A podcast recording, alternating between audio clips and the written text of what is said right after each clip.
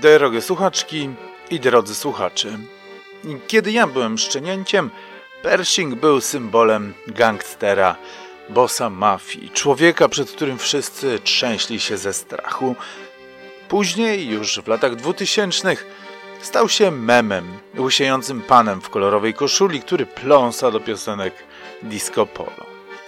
Jego nagła, przedwczesna śmierć z ręki zamaskowanych typów została w mediach okrzyknięta końcem polskich zorganizowanych grup przestępczych i choć dzisiaj skala jest nieporównywalnie mniejsza niż w latach 90., to po Pershingu jeszcze długo bandyckie szajki zastraszały nasze społeczeństwo.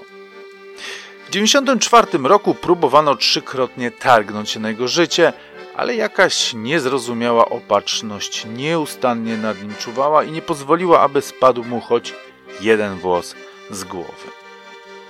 Wreszcie go zatrzymano i po długich bataliach sądowych trafił za kratki, ale tam miał podobno warunki wręcz hotelowe.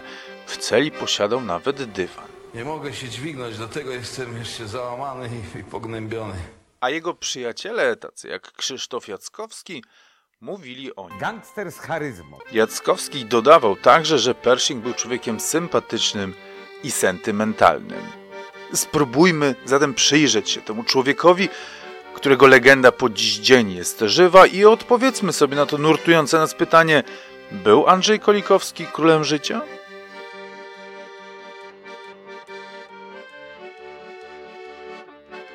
Dziesiąty sierpnia 1994 roku. Gorąca letnia noc. Na granatowym niebie, upstrzonym migotliwymi gwiazdami, świeci srebrzyście sierp księżyca. Fale nieprzenikliwie czarnego morza rozbijają się z głuchym łoskotem opale, na których trzyma się sopockie molo. Z oddali dochodzą stłumione dźwięki nocnych uciech, radosny gwar rozmów, taneczna muzyka disco polo, śmiechy młodzieży i elektroniczne dźwięki maszyn do gier. Na samym molo nie ma jednak zakochanych par, które chciały popatrzeć w nieodganioną toń czarnej wody. Nie ma też spacerujących emerytów, nie ma też bawiącej się młodzieży. Wszystkich ich przegonili chłopaki z miasta, bo chcą tu ubić interes. Co ciekawe, nie są to chłopaki z wybrzeża, to są chłopaki ze stolicy. Jest ich ze dwudziestu. Każdy z nich przypomina tura ogolonego na łyso, choć na niektórych głowach lśni żel wklepany we włosy. Lśnią też łańcuchy na szyjach i na nadgarstkach, w niektórych pięściach lśnią klingi, na innych kastety, zapasem jednego tkwi ukryta giwera. W grupie są też sportowcy, którzy zabrali ze sobą swoje kije baseballowe. Wśród tej wesołej ekipy przynajmniej jeśli wierzyć mediom, znajdują się takie postaci jak Ryszard, zwany Kajtkiem, Wojtek Budzik, Darek Bysio i ten najważniejszy Andrzej Kolikowski, czyli Pershing. Chłopaki ewidentnie przyjechali tutaj na jakąś konfrontację, ale czas mija, a ziomów z Trójmiasta nie widać, a zbliża się już w pół do drugiej. Aż tu nagle, znikąd jak w amerykańskim filmie, pojawiły się światła, koguty i grupa uzbrojonych kominiarzy, którzy w mgnieniu oka zakuli turystów z Warszawy. Bandyci nie zdążyli się nawet bronić, tak bardzo byli zaskoczeni tą zasadzką. Przecież nikt, poza Nikosiem, nie wiedział, że Przyjeżdżają jacyś kozacy ze stolicy. A jednak policja skąd się o tym dowiedziała? Potwierdzam oficjalnie, że wspomniana grupa przyjęła do Trójmiasta w celach przestępczych, powiedział szef Komendy Wojewódzkiej w Gdańsku. Mieliśmy informacje o celu przybycia oraz posiadanej broni, dlatego wszyscy zostali zatrzymani. Akcję przeprowadzono o 1.30 w nocy. Zabezpieczono jedną sztukę broni i pięć luksusowych samochodów Mercedesa, Golfa, Audi, Peugeota i BMW. Tak napisali w gazecie. Ja się zastanawiam, chociaż tak to jest luźne zastanowienie, czemu w każdym przypadku wymienili markę samochodu, ale w przypadku Volkswagena jego typ czy rodzaj, czy jak się to nazywa. Taka luźna myśl.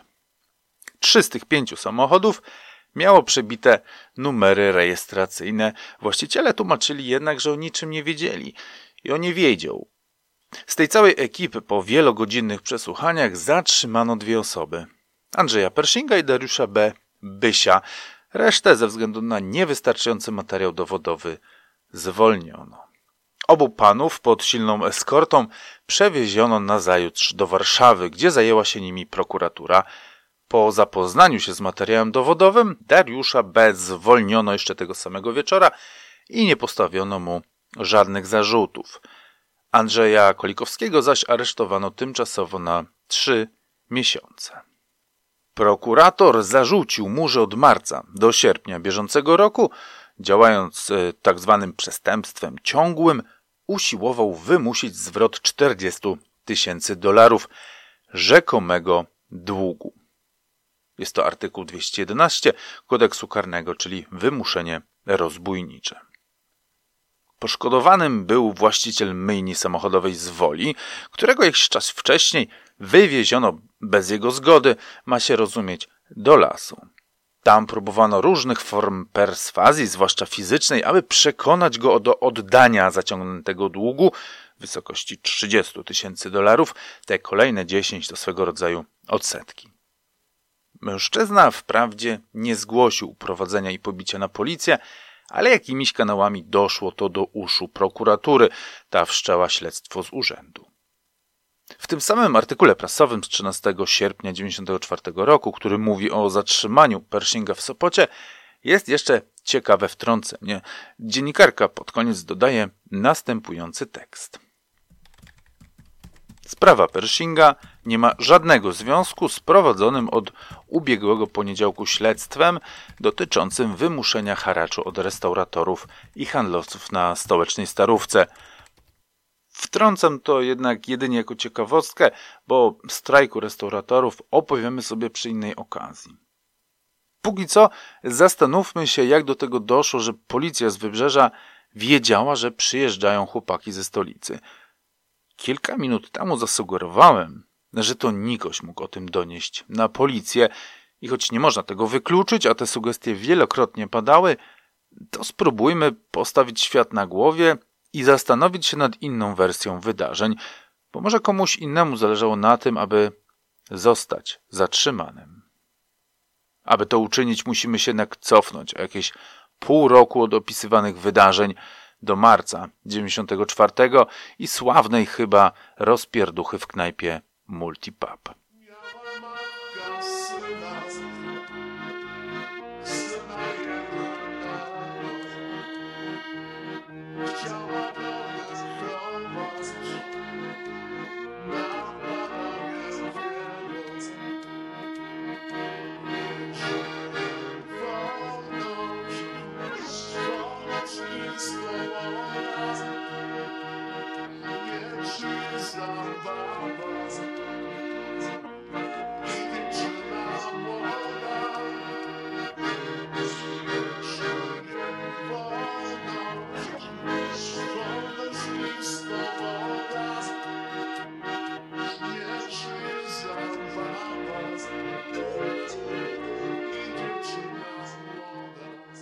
Do roku 94 życie Andrzeja Kolikowskiego upływało, nie bójmy się tego słowa, sielankowo. Od blisko 10 lat nie pracował. Miał piękną 400-metrową willę w Ożarowie i kilka luksusowych samochodów. Wieczorami grywał w ruletkę w Mariocie, a trzy razy w tygodniu obstawiał wyścigi konne na Służewcu. Ludzie z miasta go szanowali, a prasa o nim nie pisała. Zmienić się to miało w marcu 1994 roku. Pewnego razu powiedziałem mu, że wiosną w marcu pod jego dom on podjedzie swoim samochodem i wyjdzie dwóch ludzi skądś, którzy będą na niego czekać. I jak wyjdzie i wysiądzie z samochodu, dostanie strzały w brzuch i to będzie jego śmierć. Jak się okazuje, Jackowski swojej wizji trafnie przewidział marzec jednak nie pod domem Pershinga w Ożarowie, a w knajpie Multipub na warszawskiej Saskiej Kępie i nie strzały, a ładunek.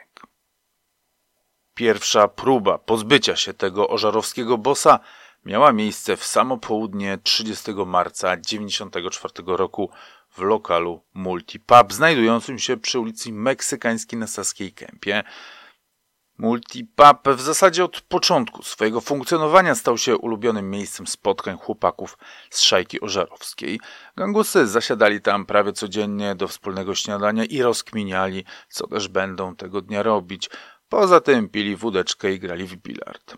Nie inaczej miało być 30 marca 94 roku. Chłopaki jedli jajecznicę na boczku, popijali zimną siwuchą, rozmawiali o interesach. Nie podejrzewali nawet, że w przewodzie wentylacyjnym nad ich głowami znajduje się ładunek, podłożony najprawdopodobniej przez niejakiego długopisa i młodego dreszcza, którzy latali dla wariata. Blisko południa pod multipub podjechał samochód Pershinga i wyszedł z niego mężczyzna, który wszedł do lokalu. Wtedy chłopaki wariata nadusili przycisk detonatora, nastąpiła eksplozja i na Pruszkowskich zawalił się sufit. Tego dnia fortuna, zresztą jak zwykle, była po stronie Pershinga. Tego dnia właściciel nie włączył instalacji gazowej. Pracownicy pogotowia gazowego stwierdzili, że gdyby instalacja była włączona, to eksplozja byłaby tak silna, że resztek pubu można by szukać po drugiej stronie Wisły. Klienci fruwaliby nad mostem śląsko-dąbrowskim, dodawali. W związku z powyższym nikomu z przebywających tam chłopaków z Ożarowa wraz z Pershingiem nic się nie stało. O tej eksplozji gazety oczywiście napisały, ale wtedy nikt jeszcze nie kojarzył jej z Pershingiem. Jego ksywa nie pojawiła się wtedy w prasie. Andrzej był jeszcze anonimowy. Usłyszałam straszny huk. Byłam pewna, że w moim mieszkaniu wybuchła instalacja gazowa, opowiada jedna ze świadkiń tego wydarzenia. Pobiegłam do kuchni i zobaczyłam powybijane szyby. Nad restauracją Multipub przy ulicy Meksykańskiej, na którą wychodzą moje okna, unosiła się chmura ognia. W artykule napisano, że około godziny 12.30 wybuch w restauracji Multipub wstrząsnął domami w promieniu kilkuset metrów. Wypadły prawie wszystkie szyby. Chwilę wcześniej świadkowie widzieli odjeżdżające z piskiem opon samochody. W restauracji było sześć osób z obsługi i dwóch gości. Właściciele Andrzej R. i Tomasz B. kilkanaście minut przed wybuchem przyjechali do pubu. Ranny został stolarz, który właśnie kopał ogródek pod blokiem. Usłyszałem huk, padłem na ziemię, ale szyby z okien leciały prosto na moją głowę. Trafiło mnie kilka kawałków. Opowiadał z zabandażowaną głową. Nie zgodził się, żeby pogotowie odwiozło go do szpitala. O mało nie wypadłam z balkonu, opowiada mieszkanka z sąsiedniej ulicy. Wybuch był chyba tak silny, jak ten z 78 roku w Rotundzie. Pierwsza myśl, spadł samolot. Gruz mi sięgał do bioder. Z trudem wydostałem się na zewnątrz. Byłem pewny, że wybuchła instalacja gazowa, opowiadał barman. My graliśmy w bilarda. Ja w tym szoku, kurwa, z kijem do samochodu chciałem wsiadać. Kij mi się nie mieścił. No, wiesz, no. Opowiada zaś Florek. Z tej historii wyłania się jednak jeszcze jedna prawdziwa i przykra sytuacja. Multipub, jak powszechnie było wiadomo, był miejscem spotkań ekipy Pershinga. Panowie dyskutowali na bieżące tematy, planowali kolejne napady i gwałt, jedli, pili i grali w bilard. Ufam, że za swoje trunki płacili. Wierzę też, że płacili za jedzenie. Obawiam się jednak, że za korzystanie ze stołu bilardowego płacić już nie chcieli. To jednak nie ma większego znaczenia. Istotnym jest fakt, że kiedy bandyci siedzieli w multipubie, inni klienci tam raczej nie zaglądali, a może nawet nie mieli prawa tam wchodzić, kiedy chłopaki z miasta byli akurat w środku. Raz w życiu osobiście miałem taką sytuację, kiedy w moim ulubionym lokalu zaczęli pojawiać się chłopaki z miasta. Atmosfera od razu zagęściła się nieprzyjemnie, stałych klientów było coraz mniej, bo wiadomo, prawilniacy panoszyli się jak u siebie. Świetną do tej pory muzykę rockową zaczęły wypierać jakieś disco polo, dance, techno czy coś. Nie żebym miał coś do tego rodzaju muzyki, ale ten lokal był pierwotnie rockowy, ale miastowi zaczęli wymagać coś pod siebie, odbierając przyjemność wszystkim naturalnym gościom tego lokalu. Ostatecznie oczywiście splajtował, bo nie było klientów poza tymi opreszkami. W przypadku multipubu działał podobny mechanizm. Krótko przed wybuchem ładunku lokal był na skraju bankructwa. Tomasz B., współwłaściciel, zwierza się gazecie, że na pewno motywem podłożenia ładunku nie był okup za ochronę restauracji. Nie mielibyśmy z czego płacić. Dwa tygodnie temu zamknęliśmy snack bar. Mafia pruszkowska wiedziała, że jesteśmy niewypłacalni i zostawiła nas w spokoju.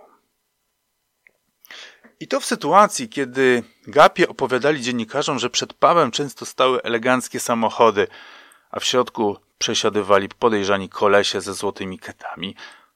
Chłopcy Pershinga mieli tam przesiadywać codziennie między 11 a 13. Ekipa Pershinga spotkała się jeszcze tego samego dnia. Wieczorem dopiero, wiesz, narada, ale to już bez alkoholu, tylko na poważnie wszystko. No i potem się działo, no.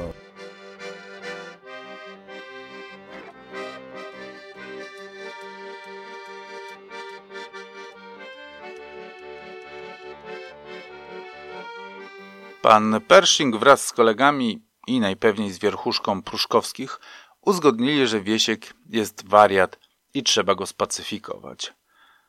Media dość patetycznie napisały, że Pruszków miał wydać wyrok śmierci na uznawanego za przywódcę Wołomina Henryka N., zwanego dziadem. I śmiem też podejrzewać, że pomyliły się do celu Pruszkowskich, bo to wariata się chyba najbardziej wtedy obawiali. Musimy także przyznać, drodzy Państwo, że pan Jackowski nie całkiem się mylił w kwestii zamachu na Pershinga. To znaczy, źle to powiedziałem, nie chodzi o żadną pomyłkę. Wróżbiarstwo jest bardzo nieuchwytną dziedziną magii, jest nieprecyzyjne i wymaga interpretacji jak wiersz. Nie można zatem wymagać od jasnowidza, aby podawał nam prawdę jak kawę na ławę. On się nie myli, tylko nie umie słowami przekazać swoich głębokich skojarzeń. Tak więc, choć nie był to marzec, ale kwiecień albo maj, to rzeczywiście przyznać trzeba, pod domem Pershinga doszło do zamachu i skoro nawet ja nie umiem ustalić, kiedy rzeczywiście to miało miejsce, to jak jasnowic mógł przewidzieć to wcześniej, zwłaszcza, że może księżyc albo ascendent był jeszcze w marcu. Sednem jest to, że tylko wcześniejsze ostrzeżenie pana Jackowskiego uchroniło Pershinga przed nieuchronną śmiercią. O ratowaniu Pershinga przez Jackowskiego opowiadam zresztą też nieco szerzej w niedługim odcinku pod tytułem Pershing w Zakopanem, gdzie opisuję ostatnie chwile pana Andrzeja. Zachęcam do posłuchania i podpinam link. Pan Jackowski o swoich zasługach w uratowaniu życia Pershinga mówi zaś tak. Ten zamach się wydarzył, tylko Pershing cały marzec nie mieszkał w Ostrowie, tam mieszkała jego żona i córka, a on mieszkał w hotelu w Warszawie. Jeżeli nawet coś chciał z domu, to wysyłał człowieka. Pamiętam, że wysłał człowieka o pseudonimie Florek. I ten Florek podjechał jego autem pod dom i wyskoczyło dwóch facetów, zaczęli strzelać. Ten Florek wskoczył z powrotem do samochodu i to go uratowało. Po tej wizji Pershing zaczął we mnie wierzyć, można powiedzieć, no jak wieszcza. Jak już wspomniałem, wróżby nie są precyzyjne, nie są dosłowne. Wystarczy więc, że kiedy z potoku słów jedno czy dwa okażą się trafne, wróżbę uznaje się za spełnioną. Tak to już działa, jak Państwo widzicie, tak właśnie jest w tym przypadku. Któregoś wiosennego wieczora pod ożarowską willę Pershinga zakradł się Wiesiek, zwany później wariatem, o którym zresztą też nagrałem odcinek. Jeśli Państwo nie słuchali, a chcieliby poznać tę historię, to również podepnę link. Wraz z wariatem pod dom Pershinga zakradło się także kilku kozaków z wybrzeża, których miał podobno pożyczyć wieśkowi sam Nikoś. Zaczaili się w krzakach z widokiem na willę i pod osłoną nocy czekali na Pershinga. Nie wiedzieli jednak, że go w domu nie było a zamiast niego był Florek, kierowca Andrzeja, który przyjechał tu, aby zabrać dziewczynę Pershinga na dyskotekę. Czas mijał, a skrytobójcy cierpliwie czekali. Wreszcie otworzyły się drzwi do domu, a po chwili rozbłysło światło na ganku. Było oślepiające i rzucało długie cienie i zbójcy nie widzieli dokładnie twarzy tych, którzy wyszli z domu. Rozpoznali jedynie, że była to kobieta i mężczyzna. Słyszeli rozmowę faceta z dziewczyną, słyszeli jej nieskrępowany, swobodny śmiech. Kiedy tylko zeszli ze schodów i zbliżyli się do samochodu, rozbójnicy wyskoczyli z zakrzaków. Zanim pociągnęli za spusty, czujny jak ważka facet krzyknął do dziewczyny Agnieszka, wypier... bo chyba będą strzelać i wtedy zaczęli do nich pruć. To trwało chwilę, ułamek sekundy. Facet dostał kilka strzałów i wpadł do wnętrza samochodu. Wiesław podbiegł do niego i strzelił jeszcze dwa razy z bliska dla pewności, a na dokładkę wrzucił granat do auta. Reszta chłopaków biegała wokół samochodu, krzycząc, gdzie jest ta kur... gdzie ona jest? Wtedy Wieciek, spojrzawszy na zegarek, krzyknął, że nie ma już czasu, żeby jej szukać, że trzeba się spieszyć, bo nie zdążą przed zamknięciem przejazdu kolejowego. Pershing został podziurawiony i to było najważniejsze. Wybiegli więc z podwórka Ożarowskiego Króla, wsieli do swego auta i pognali na wschód trasą poznańską do Warszawy. Granat wrzucony do samochodu na szczęście nie wybuchł i to ocaliło życie Florkowi, kierowcy i ochroniarzowi Pershinga, który tego dnia miał odwieźć wspomnianą Agnieszkę na dyskotekę. O tym wydarzeniu jednak prasa nie napisała. Pierwsza zmianka w gazecie o Pershingu pochodzi z 15 maja 1994 roku. Tytuł artykułu to Pojedynek dziada z Pershingiem, a dziennikarz pisze o tym, jak dzięki policji udało się znowu Pershingowi ujść z życiem przed zastawioną na niego pułapkę. Trzech uzbrojonych po zęby zawodowych zabójców, wynajętych przez gang wołomiński do porachunków z mafią pruszkowską, wpadło wczoraj w zasadzkę policji. Można przeczytać. Była to tak zwana grupa do zadań specjalnych. Według dobrze poinformowanych źródeł policyjnych miała ona zlikwidować jednego z szefów pruszkowskiej mafii, Andrzeja K., pseudonim Pershing. Tymi mężczyznami byli 23 23, 23-letni taksówkarz z Gdyni o inicjałach LB oraz dwóch Rosjan, względnie Litwinów, w zależności od źródła, w wieku 20 i 37 lat. Panowie mieli przy sobie giwery, tetetkę i P-64 oraz broń maszynową, podobno jakieś nietypowe połączenie kałacha ze sztucerem. Broń miała być ponadto wyposażona w tłumiki i noktowizory. Nie mieliśmy do czynienia z działalnością przestępczej grupy ząbkowskiej czy wołomińskiej na terenie dzielnicy, powiedział zastępca szefa prokuratury rejonowej Praga Północ. Potwierdził przy tym, że samochód, którym poruszali się zatrzymani, jest zarejestrowany na Wiesławę, żonę Henryka N. Dziada. Dziennikarz pisze dalej. Nasiliła się walka między dwoma gangami warszawskimi, Pruszkowem i Wołominem. Toczy się bój o wpływy z handlu nielegalnym alkoholem i papierosami, ściąganie haraczu z właścicieli sklepów, kawiarni, agencji towarzyskich. Do niedawna gang pruszkowski grasował wyłącznie w lewobrzeżnej części Warszawy, teraz ma ochotę na Pragę i okolice. Na ekspansję ludzi z miasta, jak się określa gang pruszkowski, ludzie z Wołomina odpowiedzieli dwoma akcjami terrorystycznymi. 30 marca podłożyli ładunek pod restaurację Multipub na Saskiej Kępie, gdzie na narady zbiera się pruszków, a niespełna dwa tygodnie temu pod restaurację Eskada na Grochowie jej właściciel jest podejrzany o sterowanie pruszkowską mafią.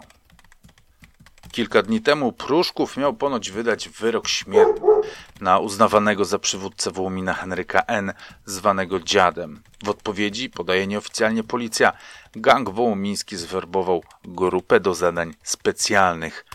Prokuratura warszawska wydała nakaz aresztowania zatrzymanych. Pershing miał szybko odpowiedzieć na ataki skierowane w niego. 6 maja 1994 roku zasadził się na wieśka pod blokiem jego teściowej na Pradze, nieopodal dworca wschodniego. Z relacji Henryka Niewiadomskiego, dziada domniemanego, wynika, że czekali naprzeciw klatki, do której brat miał wejść. Na jego szczęście o tej akcji dowiedziała się policja. Kiedy samochód Pershinga z dwoma ruskimi ustawił się do strzelania, wkroczyła do akcji. Jednego Rosjanina z bronią aresztowano, drugi uciekł. Oczywiście Pershing swoim zwyczajem stał sobie z boku i też zdążył zwiać. Ruski przesiedział tylko trzy miesiące za nielegalne posiadanie broni. Pershing zeznał, że pożyczył mu swój samochód, więc na niego nic nie mieli. Tak się zakończył pierwszy zamach na mojego brata. Policja pamięta to jednak nieco inaczej. Z ich zeznań o niczym się nie dowiedzieli, tylko podczas rutynowego patrolu dostrzegli kilku chowających się za filarami mężczyzn. Gdy policjanci chcieli ich wylegitymować, mężczyźni rzucili się do ucieczki. Jeden z nich, 25-letni Walery Esz, Białorusin z Mińska, został zatrzymany. Według zeznań policjantów za paskiem miał pistolet CZ kaliber 9 mm z 12 sztukami amunicji. Potężny mężczyzna mówił, że został wynajęty jako ochroniarz Wołodii. Jednego z mężczyzn, który uciekł patrolowi, nie przyznał się do posiadania pistoletu. Broń wypadła komuś w szarpaninie, stwierdził podczas przesłuchania. Został jednak tymczasowo aresztowany pod zarzutem nielegalnego jej posiadania. W jego kieszeni policja znalazła kluczyki do Mercedesa. Samochód Mercedes 300 stał w okolicach dworca wschodniego. Był zarejestrowany na mieszkańca Ożarowa, Andrzeja K. Pershinga. W środku policja odkryła około 30 sztuk amunicji kaliber 9 mm pasującej do CZ znalezionej u zatrzymanego Białorusina. W związku z tą wpadką Pershing zjawił się dobrowolnie na policję, aby wyjaśnić, że znaleziony samochód pożyczył 3 maja na 3 dni znajomemu Rosjaninowi. Zatrzymanego Walerego Esz nie zna, nie wie też skąd wzięła się amunicja. Przesłuchanie Pershinga trwało nieco ponad dwie godziny, po czym został wypuszczony. Dziad opisywał to w swojej książce następująco. Pershing po tym nieudanym zamachu ponoć okropnie się zdenerwował. Obiecał bowiem w całym mieście, że szybko zabije mojego brata i mnie przy okazji, a wtedy wszystko wróci do normy. Dalej będą zabierać tym, co dużo mają i są porządni. Pershing chwalił się tak i odgrażał na lewo i prawo, a tu nagle taka kaszanka. Poprzysiągł sobie rozprawić się z bratem ostatecznie.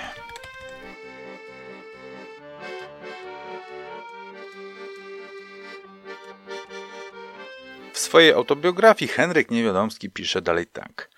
Brat już przekonał się, że to nie żarty, trzeba było kontratakować. Dowiedział się, że Pershing jest stałym bywalcem wyścigów konnych na Służewcu. Tam podłożył mu ładunek. Była to niedziela 24 lipca 94 roku. To jeden z tych trzech dni w tygodniu, kiedy Pershing znajdował się na terenie torów wyścigów konnych na warszawskim Służewcu i obstawiał gonitwy. Było już koło dziewiętnastej, kiedy całym terenem wstrząsnęła jakaś eksplozja.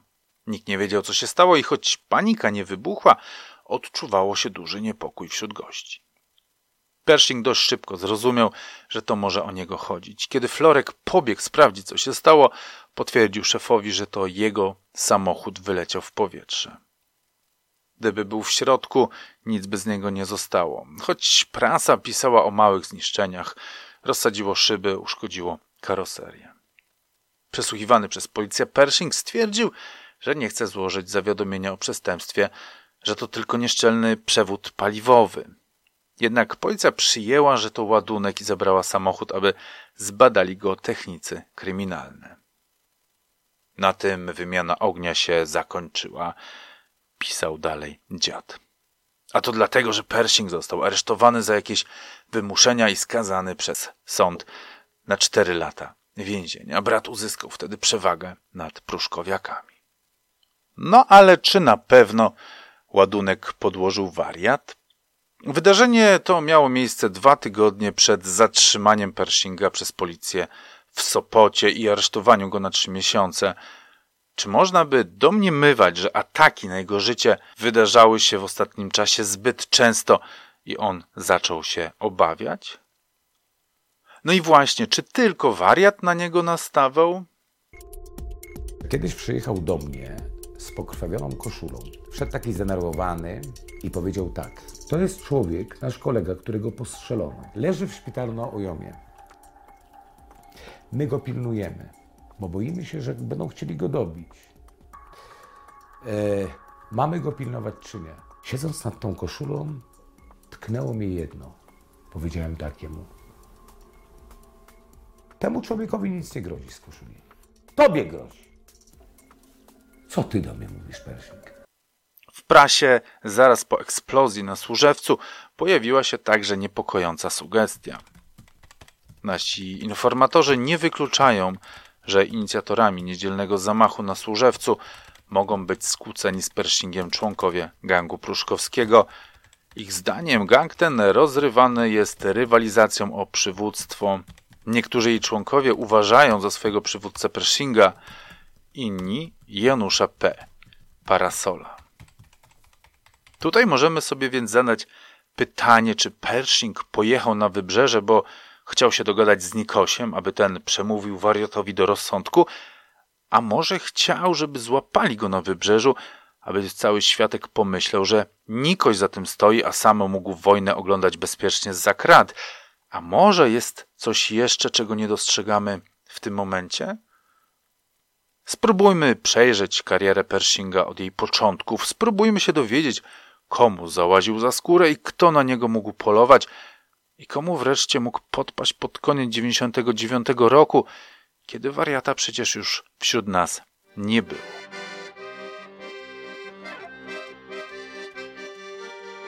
Osobom, zwłaszcza nowym na tym kanale, pragnę przypomnieć, że choć ta historia wydarzyła się naprawdę i oparta jest o dostępne źródła, to czasem brakujące fakty uzupełnione zostały za pomocą koniektury i presumpcji, więc się nie spinajcie. Skoro ta sprawa jest już jasna i wyjaśniona, wróćmy do opowieści, a warto zacząć od początku, bo każda postać ma swoje backstory, które zbudowało ją taką, jaka jest. Andrzej Kolikowski urodził się 19 stycznia 1954 roku w Ołtarzewie, maleńkiej wsi pod Ożarowem. Z ciekawostek można dodać, że w Ołtarzewie na świat przyszedł także wybitny mediawista Benedykt Ziętara, a swoje dzieciństwo spędził tam Janusz Kusociński, polski lekkoatleta, złoty medalista olimpijski z Los Angeles z 1932 roku. Jego karierę wraz z żywotem zakończyli niemieccy naziści w pobliżu Palmir w Puszczy Kampinowskiej w 1940 roku. No ale przecież nie o tym. Andrzej pochodził z ubogiej rodziny, w której trzeba było ciężko pracować, aby starczyło na chleb. Luksusy znał tylko z telewizji i ze swoich marzeń.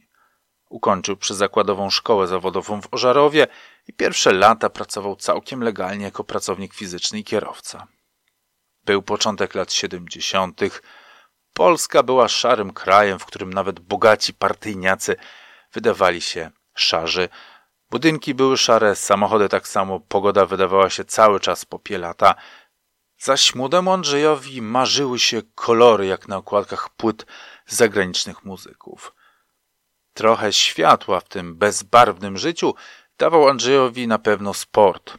Grał w piłkę nożną i uprawiał zapasy, zwłaszcza ta druga dyscyplina okazała się być mu pomocną w przyszłości. Dzięki zapasom wyrobił sobie bardzo refleks i tężyznę fizyczną. Na mieście lat 70. i 80. umiejętności te miały wielkie znaczenie. Wybiegając nieco w przyszłość, przetoczmy anegdotę, w której Pershing spotkał się z niejakim Januszem S. z Otwocka, zwany Dzikiem. Na marginesie Państwu dodam, że o tym dziku już wspominaliśmy w podcaście o wariacie, więc znowuż zalinkuję ten odcinek, gdybyście chcieli sobie to odświeżyć. Pokrótce, dzik w latach 80. trząsł Warszawą, a przynajmniej jej praską częścią – do czasu, kiedy spróbował oszukać wariata, za co ten poważnie go zgnoił i nazwał przy kolegach frajerem, a nawet ciężkim frajerem. Spotkanie dzika z Pershingiem musiało mieć miejsce wcześniej z wariatem, bo wtedy jeszcze ksywa dzik coś znaczyła, a Pershing tak o tym opowiadał. Mój kolega prowadził nieoficjalne kasyno. Kiedyś przyjechało dwóch takich z Otwocka. Wszyscy się ich bali, bo byli najmocniejsi w mieście – Zdemolowali kasyno, zabrali pieniądze. Dużo. Kolega to spokojny człowiek. Opowiedział mi wszystko i zapytał, co radzę zrobić. Powiedziałem, żeby uruchomił kasyno od nowa. Tyle, że kiedy to zrobił, ja pilnowałem interesu wraz z przyjacielem, też zapaśnikiem. Po jakimś czasie ci dwaj z Otwocka przyjechali znowu. Zaproponowali, że podzielimy się zyskami. Dla nich 33%, dla mnie 33% i dla kolegi 33%. Powiedziałem im, że jak chcą pieniędzy, to niech sobie założą swoje własne kasyno. Nie bałem się, bo nawet dobrze nie wiedziałem, z kim mam do czynienia. Poszli. Potem napadli na nas na ulicy. Tych dwóch i jeszcze jeden. Trenowaliśmy wtedy zapasy. Dostali taki wycisk, że więcej się nie pojawili. I wtedy poszła fama, że jestem mocny. Najprawdopodobniej też wtedy zainteresował się nim Jeremiasz Barański, zwany Baraniną, który zajmował się nielegalnym w PRL-u obrotem obcą walutą. Był też donosicielem dla milicji obywatelskiej i służby bezpieczeństwa, dzięki czemu miał różne dojścia i przywileje. I to on załatwił młodemu, bo niespełna 30-letniemu Kolikowskiemu, możliwość wyjazdu do Niemiec. Jaki interes miał w tym Baranina nie jest pewne, ale dość powszechną wiedzą jest, że wielu polskich cwaniaczków i drobnych przestępców wyjeżdżało za czasów PRL do Niemiec, aby tam półlegalnie zarabiać niemieckie marki. Mieli swoje sklepy i tam handlowali skradzionymi przedmiotami albo papierosami bez akcyzy, choć przyznać trzeba, że handlowali wszystkim, bo także kradzionymi ubraniami, sprzętem elektronicznym, a nawet szamponami czy artykułami spożywczymi. Nie trzeba chyba tutaj wspominać o handlu samochodami, w którym do perfekcji, jak wiadomo, doszedł Nikodem Skotarczak. Na wszelki wypadek podpinam także link do podcastu o nim. Można zatem przypuszczać, że Baranina załatwił Pershingowi wyjazd do Niemiec, aby ten prowadził za niego nielegalne interesy, samemu przy tym zarabiając niemało grosza. A przy okazji Pershing miał możliwość nawiązania kontaktów w przestępczym świecie, które mogły owocować w przyszłości. W Niemczech zresztą Pershing mógł poznać choćby Nikosia, co na dobre nikomu z nich nie wyszło. Do ojczyzny Pershing wrócił na początku lat 80. Kieszenie miał wypchane RFN-owskimi markami i chciał je zainwestować, aby mogły się pomnażać. Postanowił ze swojej pasji zrobić pracę, aby, jak to mówią współcześni coache, nie musieć już nigdy pracować. Założył więc swój własny, nielegalny w tamtych czasach dom gry, czyli po naszemu kasyno w chałupie. Bo hazard był jego pasją, zaraz po zapasach i pieniądzach.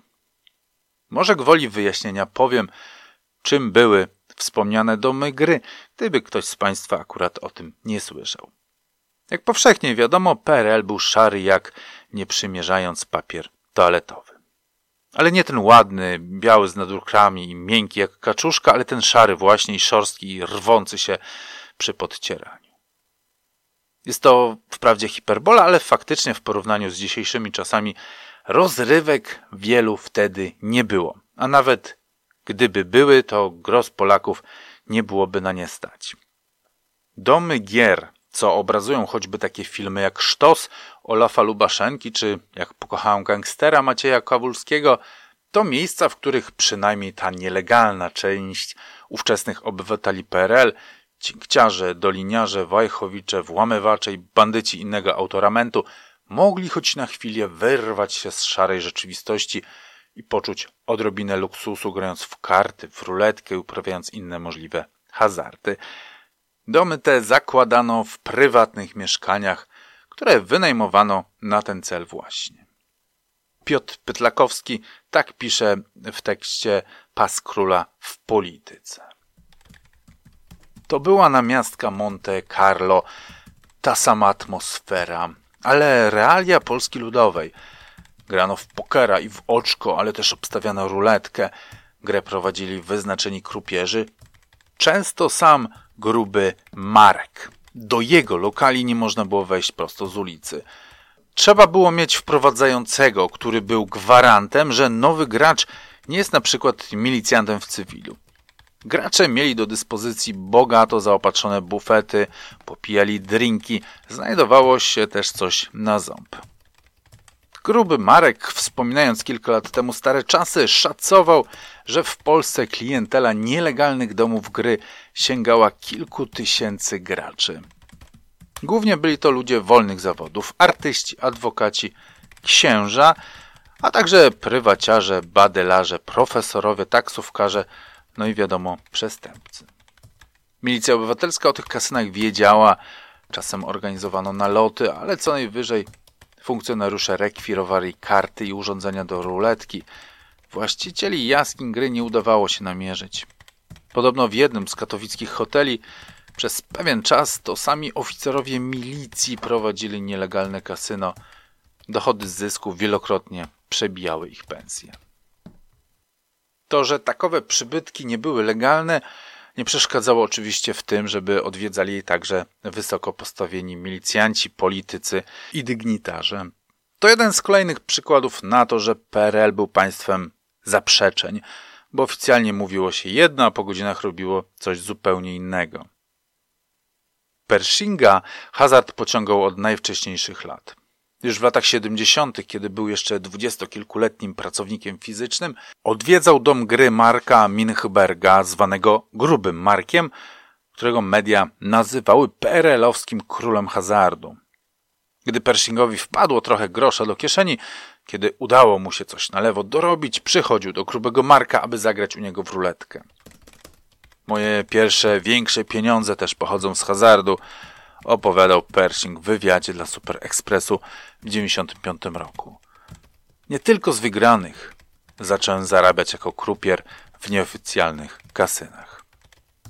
To właśnie gruby Marek, u którego Pershing terminował jako krupier, pomógł mu przy postawieniu pierwszego własnego domu gry po powrocie z Niemiec. Prowadził go podobno wspólnie z Leszkiem Danielakiem, zwanym Wańką, który pochodził z Ożarowa i który później został jednym z szefów grupy pruszkowskiej. A wśród gości pershingowskiej jaskini gry był m.in. wspominany już dzisiaj Wiesław Niewiadomski, czyli wariat. Interes ten szybko przyniósł Pershingowi niemały grosz. Już w 1983 roku przestał oficjalnie pracować – Wprawdzie w latach 80. nie przestrzegano już ściśle obowiązku pracy, jak to było wcześniej, kiedy to za bezrobocie mogła zatrzymać milicja, ale i tak ktoś, kto nie był zatrudniony, był w oczach władz elementem podejrzanym, no bo jeśli się nie pracuje, to pewnie handluje nielegalnie walutą albo działa w opozycji. Jednak milicja jakoś specjalnie się Pershingiem nie interesowała. Przeprowadził się do sławnej dziś willi, która ma ponad 400 metrów kwadratowych, a na jej powierzchni znajdował się kort tenisowy czy basen, przy którym w latach 90. opalał się sam Andrzej Gołota. We wnętrzu domu miał grube dywany, pozłacane klamki, mosiężne figurki i antyczne meble. Jego ściany obwieszone były obrazami, które kupował z pasją i bez gustu. Najchętniej w grubych, złotych ramach. Złote, a skromne. Pershing posiadał też kilka luksusowych samochodów, choć jak wiemy w sytuacji krytycznej samochodu mu zabrakło.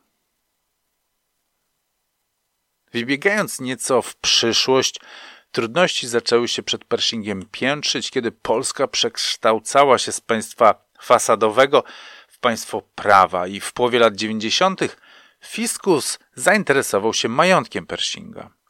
Kontrola wykazała, że w latach 1990 do 1994 Pershing wydał ponad 2,5 miliarda złotych więcej niż zadeklarował w przychodach.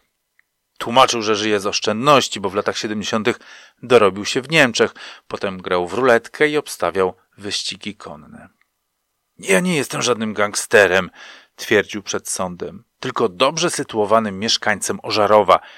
Żyję z oszczędności. Zawsze mam jakieś pół miliarda na czarną godzinę.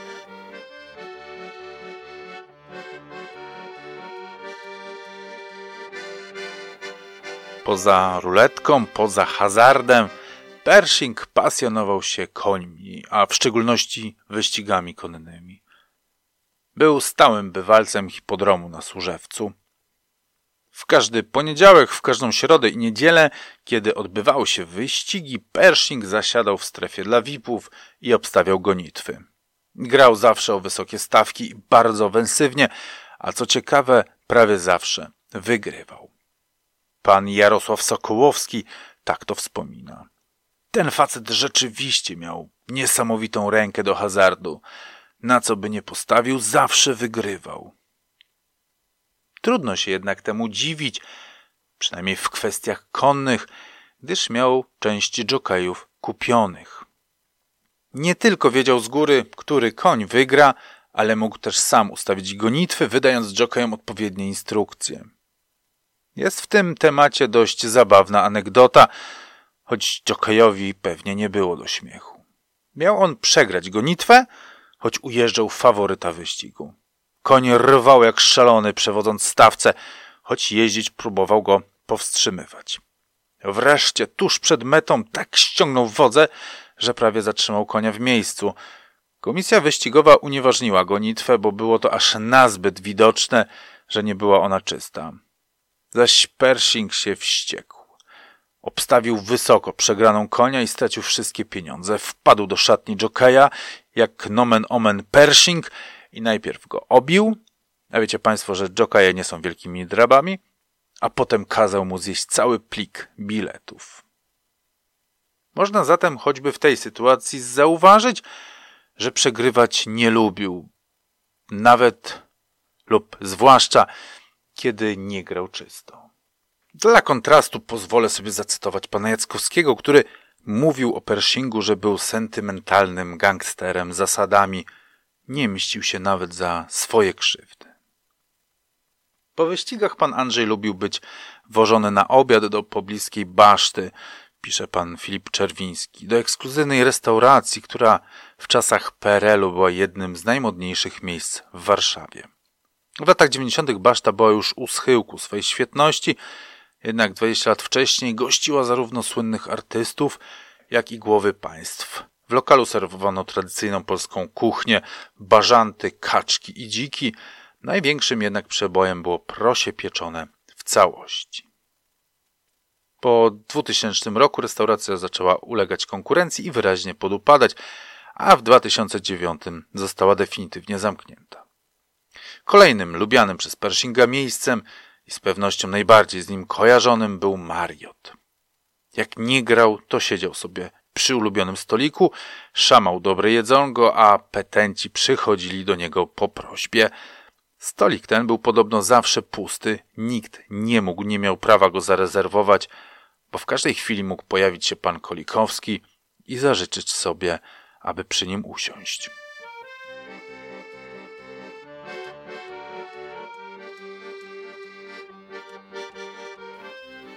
Gdyby pan Pershing zarabiał na nielegalnych kasynach i kupionych gonitwach, nie byłby tak uporczywie ścigany przez prokuraturę. Wariat nie nastawałby na jego życie, a media nie nazywałyby go królem polskiej mafii. Kiedy kasyna stały się w Polsce legalne, a na wyścigach konnych nie dało się porządnie zarobić, Pershing postanowił pomagać wierzycielom, którzy mieli problem z odzyskaniem długów. Nie robił tego naturalnie charytatywnie, a usługa taka w jego cenniku wynosiła połowę odzyskanej kwoty. Było jeszcze jedno obostrzenie. Dług nie mógł być niższy niż 5 tysięcy dolarów. Pershing był przecież poważnym biznesmenem, a nie ciułaczem. Odzyskiwanie długów stało się szybko jego kolejną pasją, którą dzielił z ruletką i wyścigami konnymi. Także przy tej pasji uwidoczniły się te cechy charakteru, które do tej pory przed opinią publiczną ukrywał. Okazało się bowiem, że pan Andrzej Kolikowski nie jest miłym panem, który lubi zagrać w ruletkę czy postawić na konia, ale bezwzględnym bandytą, który dla pieniędzy potrafi zrobić komuś krzywdę.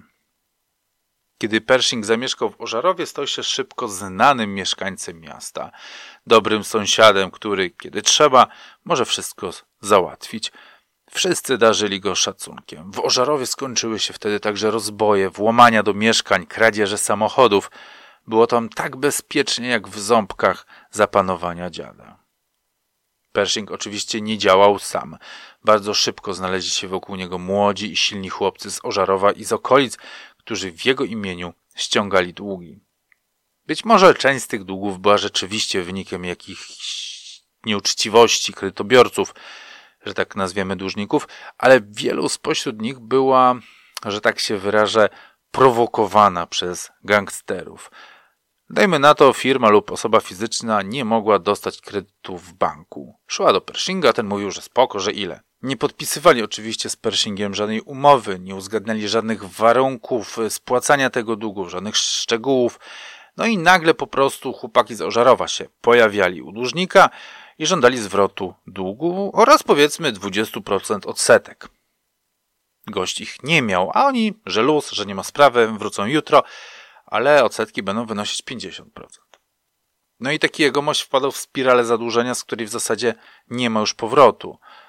Nie różni się to w zasadzie niczym chyba od tych wszystkich szybkich pożyczek, bocianów czy innych tych chwilówek, które są dzisiaj, Bóg jeden wie dlaczego, legalne, a których oprocentowanie wynosi ponad 70, a nawet ponad 80%. Grupa ożarowska dopuszczała się jednak i mniej subtelnych sposobów na wyłudzenie pieniędzy, na przykład bezczelnie wymuszali od kogoś haracz. Znana jest historia takiego wymuszenia od właściciela hurtowni spod Mińska Mazowieckiego. Bandyci twierdzili oczywiście, że tylko odzyskiwali dług, ale policja na podstawie materiałów operacyjnych uznała, że było to typowe wymuszenie haraczu. Jak już wspomnieliśmy, Pershing lubił swój czas spędzać w hotelu Marriott, gdzie poza grą w ruletkę zajmował się też interesami czy też dosłownie lichwą. Przy swoim ulubionym stoliku w restauracji Mariota przyjmował petentów, pożyczając im pieniądze na niemiłosierny procent. Jego głównymi interesantami byli spłukani hazardziści potrzebujący gotówki, aby się odegrać, zadłużając się jednak przez to coraz bardziej. Niestety hazard jest silnym uzależnieniem, a jak powszechnie wiadomo, przestępcy dorabiają się głównie na krzywdzie innych. Wyciągają ostatni grosz od tych, którzy są w jakiś sposób nieporadni, uzależnieni, nieradzący sobie w życiu. Ciężko jest więc podzielać zdanie na przykład pana Jackowskiego, który opowiada o Pershingu, że był sentymentalnym gangsterem z zasadami, że nie mścił się za swoje krzywdy. On był naprawdę sympatycznym facetem, mówi Jackowski, tylko trochę zagubionym. Jestem ciekaw, panie Jackowski, czy powtórzyłby pan te słowa, patrząc w oczy tym, którzy przez Pershinga cierpieli, którzy zostali pobici lub napadnięci przez jego kompanów, czy osobiście przez niego samego. Ciepło, co naturalne, wypowiada się o Pershingu także jego córka. W zasadzie nie powinno nas to dziwić, bo jeśli kochała tatusia, to przecież złego słowa o nim nie powie. Jednak jej argumentacja jest tak skrajnie sobkowska, że aż wierzyć się nie chce, że naprawdę to powiedziała. Na pytanie dziennikarza, czy Andrzej Kolikowski był dobrym ojcem, pani Magdalena odpowiada: Był przede wszystkim dobrym człowiekiem, chociaż pewnie nikt w to nie uwierzy. Rzuciłby mi do nóg najpiękniejsze zabawki świata, wszystko, czego bym zapragnęła. Pani Magdaleno, rzucanie swemu dziecku do nóg najpiękniejszych zabawek świata nie spełnia absolutnie definicji bycia dobrym człowiekiem. Może to definicja lekkomyślnego ojca, może bezrefleksyjnego rodzica, ale na pewno niedobrego człowieka. Podążmy jednak dalej za tym sentymentalnym gangsterem ze zasadami. Krążyła na mieście niegdyś taka anegdota, że niejaki Wiesław Peciak, zwany Wickiem Skórowa, szemrany biznesmen zajmujący się swego czasu mordowaniem zwierząt na futra, Przyjechał był do Warszawy swoim nowiusieńkim Mercedesem, zaparkował go w centrum i poszedł załatwiać interesa. Kiedy pan Wiesław załatwił już swoje sprawy i wrócił, na parking auta nie było. Szukał go chwilę, bo pomyślał, że może zapomniał, gdzie zaparkował, ale ewidentnie ktoś mu samochód zajumał. Pobiegł więc do stójkowego, ale ten tylko wzruszył ramionami i powiedział, że policja tu wiele nie poradzi. Jak ukradli, to ukradli. Znajdzie się go pewnie w częściach na Allegro. Ale dodał po chwili, że jest sobie taki typek, który siedzi w Mariocie i że on może pomóc, bo ma wszędzie wtyki. Łysy ziomek w okularach, w złotych oprawkach. Charakterny, w kolorowej koszuli. Wołają go Pershing i takie sprawy załatwia od ręki. Pan Wiesław poszedł więc do Mariota, odnalazł Pershinga, a ten w pół godziny znalazł mu samochód. Panowie się zaprzyjaźnili, lub po prostu zakolegowali i kiedy po kilku latach pan Wiesław znowu miał kłopot, pan Andrzej znowu mu pomógł. A było to tak. Słowetny gang karateków z Radomia, o nim opowiemy sobie szerzej przy innej okazji, napadł pewnego razu pana Wiesława Wicek zadzwonił zatem do Pershinga i mówi mu, co się zadziało i czy ten nie chciałby mu pomóc. Dwa razy do Pershinga nie trzeba było mówić, zwłaszcza jeżeli chodzi o jakieś ściągnięcie długu. Zebrał więc ekipę i pojechał do Radomia. Szybko znalazł karateków, którzy zresztą oskarżeni są o zabójstwo premiera Jaroszewicza i jego żony, ale o tym, jak wspomniałem, powiemy sobie kiedy indziej, i przekonał ich, aby oddali panu Wiesławowi zagrabione pieniądze. Oczywiście panowie karatecy na początku nie byli do tego przekonani, aby dobrowolnie oddawać pieniądze, ale pan Andrzej z kolegami skutecznie ich do tego przekonał. Jak? Zapytacie państwo słusznie? Już bierze z odpowiedzią, najpierw za pomocą kija baseballowego. A kiedy się okazało, że to mało skuteczny środek perswazji, pan Andrzej wziął wiertarkę i przewiercił jednemu z karateków kolano.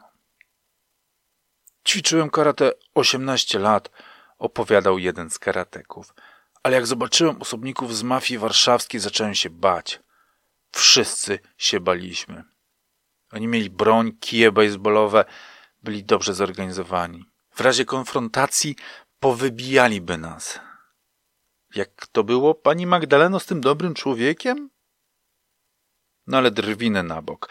W związku z wiertarką pan Andrzej znalazł się na ławie oskarżonych, ale pan z przewierconym kolanem jakoś nagle nie rozpoznał w Pershingu sprawcy. Szok. Szok, rozpacz, niedowierzanie. Gazeta Wyborcza tak pisała o tej sprawie w 96 roku. Sąd wojewódzki w Lublinie uniewinnił Andrzeja K., znanego jako Pershing. Wiesława P., pseudonim Wicek, skazano na dwa lata i dwa miesiące więzienia za pobicie, przetrzymywanie i straszenie dwóch radomskich gangsterów. Ofiarami Pershinga i innych oskarżonych byli gangsterzy napadający na bogate wille w całej Polsce. Poznali się podczas treningów wschodnich sztuk walki w Radomiu, stąd przydomek karateków. W marcu 1995 roku napadli na dom puławskiego przedsiębiorcy Wiesława P., który stracił niemal 5 miliardów starych złotych. Zdaniem prokuratury zwrócił się o pomoc do szefa mafii pruszkowskiej Pershinga. W lipcu ubiegłego roku karateków Waldemara B. i Bolesława K. uprowadzono, przetrzymywano w piwnicy, bito i straszono się. Związany z radomskim gangiem, Bolesław K. utrzymywał, że mężczyzna zwany Pershingiem bił go kijem baseballowym. Na fotografiach także rozpoznał Andrzeja K. W sądzie jednak żaden ze świadków nie rozpoznał Pershinga, zaś jego obrońca odnalazł dwie osoby, które podczas zajść w Górze Puławskiej widziały Andrzeja K. w Sopocie. W mowie końcowej adwokat zwrócił uwagę na brak w aktach wymaganego prawem wniosku o ściganie ze strony pokrzywdzonych. Przed ogłoszeniem wyroku sąd ponownie otwierał przewód, by przyjąć od sprowadzonych z aresztu pokrzywdzonych to oświadczenie. Jednak żaden z nich nie złożył wniosku o ściganie. Kalczony wiertarką powiedział nawet, że ta historia jest tylko nieznaczącym epizodem. W czasie rozprawy karatecy zeznawali korzystnie dla oskarżonych. Nie mieli pretensji do Wicka i nie rozpoznawali Andrzeja K. Proszę Państwa, jeżeli karatecy, których ksywy paraliżowały strachem, bali się pana Andrzeja, możemy chyba domniemywać, że nie było z nim żartów. Ale czy ja Państwu próbuję imponować, że ten czy inny bandyta nie jest człowiekiem? Że nie potrafi dać komuś wysokiego napiwku, że nie jest miły i uprzejmy? W żadnym wypadku. Absolutnie tego nie twierdzę. To nie są przecież potwory, postaci mityczne czy wyjęte z horroru. To są ludzie. Podli i bez skrupułów, kiedy chcą zarobić, ale nadal ludzie. I choć ja uważam ich czyn za karygodny i kibicuję prokuraturze, to przecież ja sam odczuwam do niektórych z nich sympatię, kiedy słucham ich opowieści, ale staram się przy tym pamiętać, że jeśli nawet teraz już nie są, to byli skórnami. Inne pytanie brzmi jednak, w jaki sposób im to udowodnić? Jak zamknąć na lata bandytów, którzy zagrażają społeczeństwu? No i za co udało się wreszcie przeskrzynić Pershinga, a z jakich rozpraw wychodził zwycięsko? O tym wszystkim jednak ze względu na rozmiar dzisiejszego nagrania opowiemy sobie następnym razem. I od razu chciałbym Państwa serdecznie przeprosić, bo jak zaczynam się brać za jakiś temat, to go strasznie rozwlekam. Jakoś nie potrafię się zamknąć w 40 minutach, tylko szukam mnóstwa anegdot i dodatków, żeby to wszystko trwało nie wiadomo jak długo. Będę starał się w przyszłości kompresować moje nagrania, a teraz niestety muszą mi Państwo wybaczyć, znaczy nie muszą, ale byłoby mi miło i zakończę ten odcinek. Następny będzie w najbliższym czasie. Przed końcem roku chcę też dokończyć historię Trinkiewicza i napisać o połanieckiej zbrodni Wigilię, jak to prawie cała wieś zabiła pewną rodzinę. Zatem zasubskrybuj kanał, aby Cię te odcinki nie ominęły, a lajki i komentarze też są mile widziane. Ciebie to nic nie kosztuje, a dla mnie takie interakcje są cenniejsze niż złoto. Do usłyszenia następnym razem. Bye.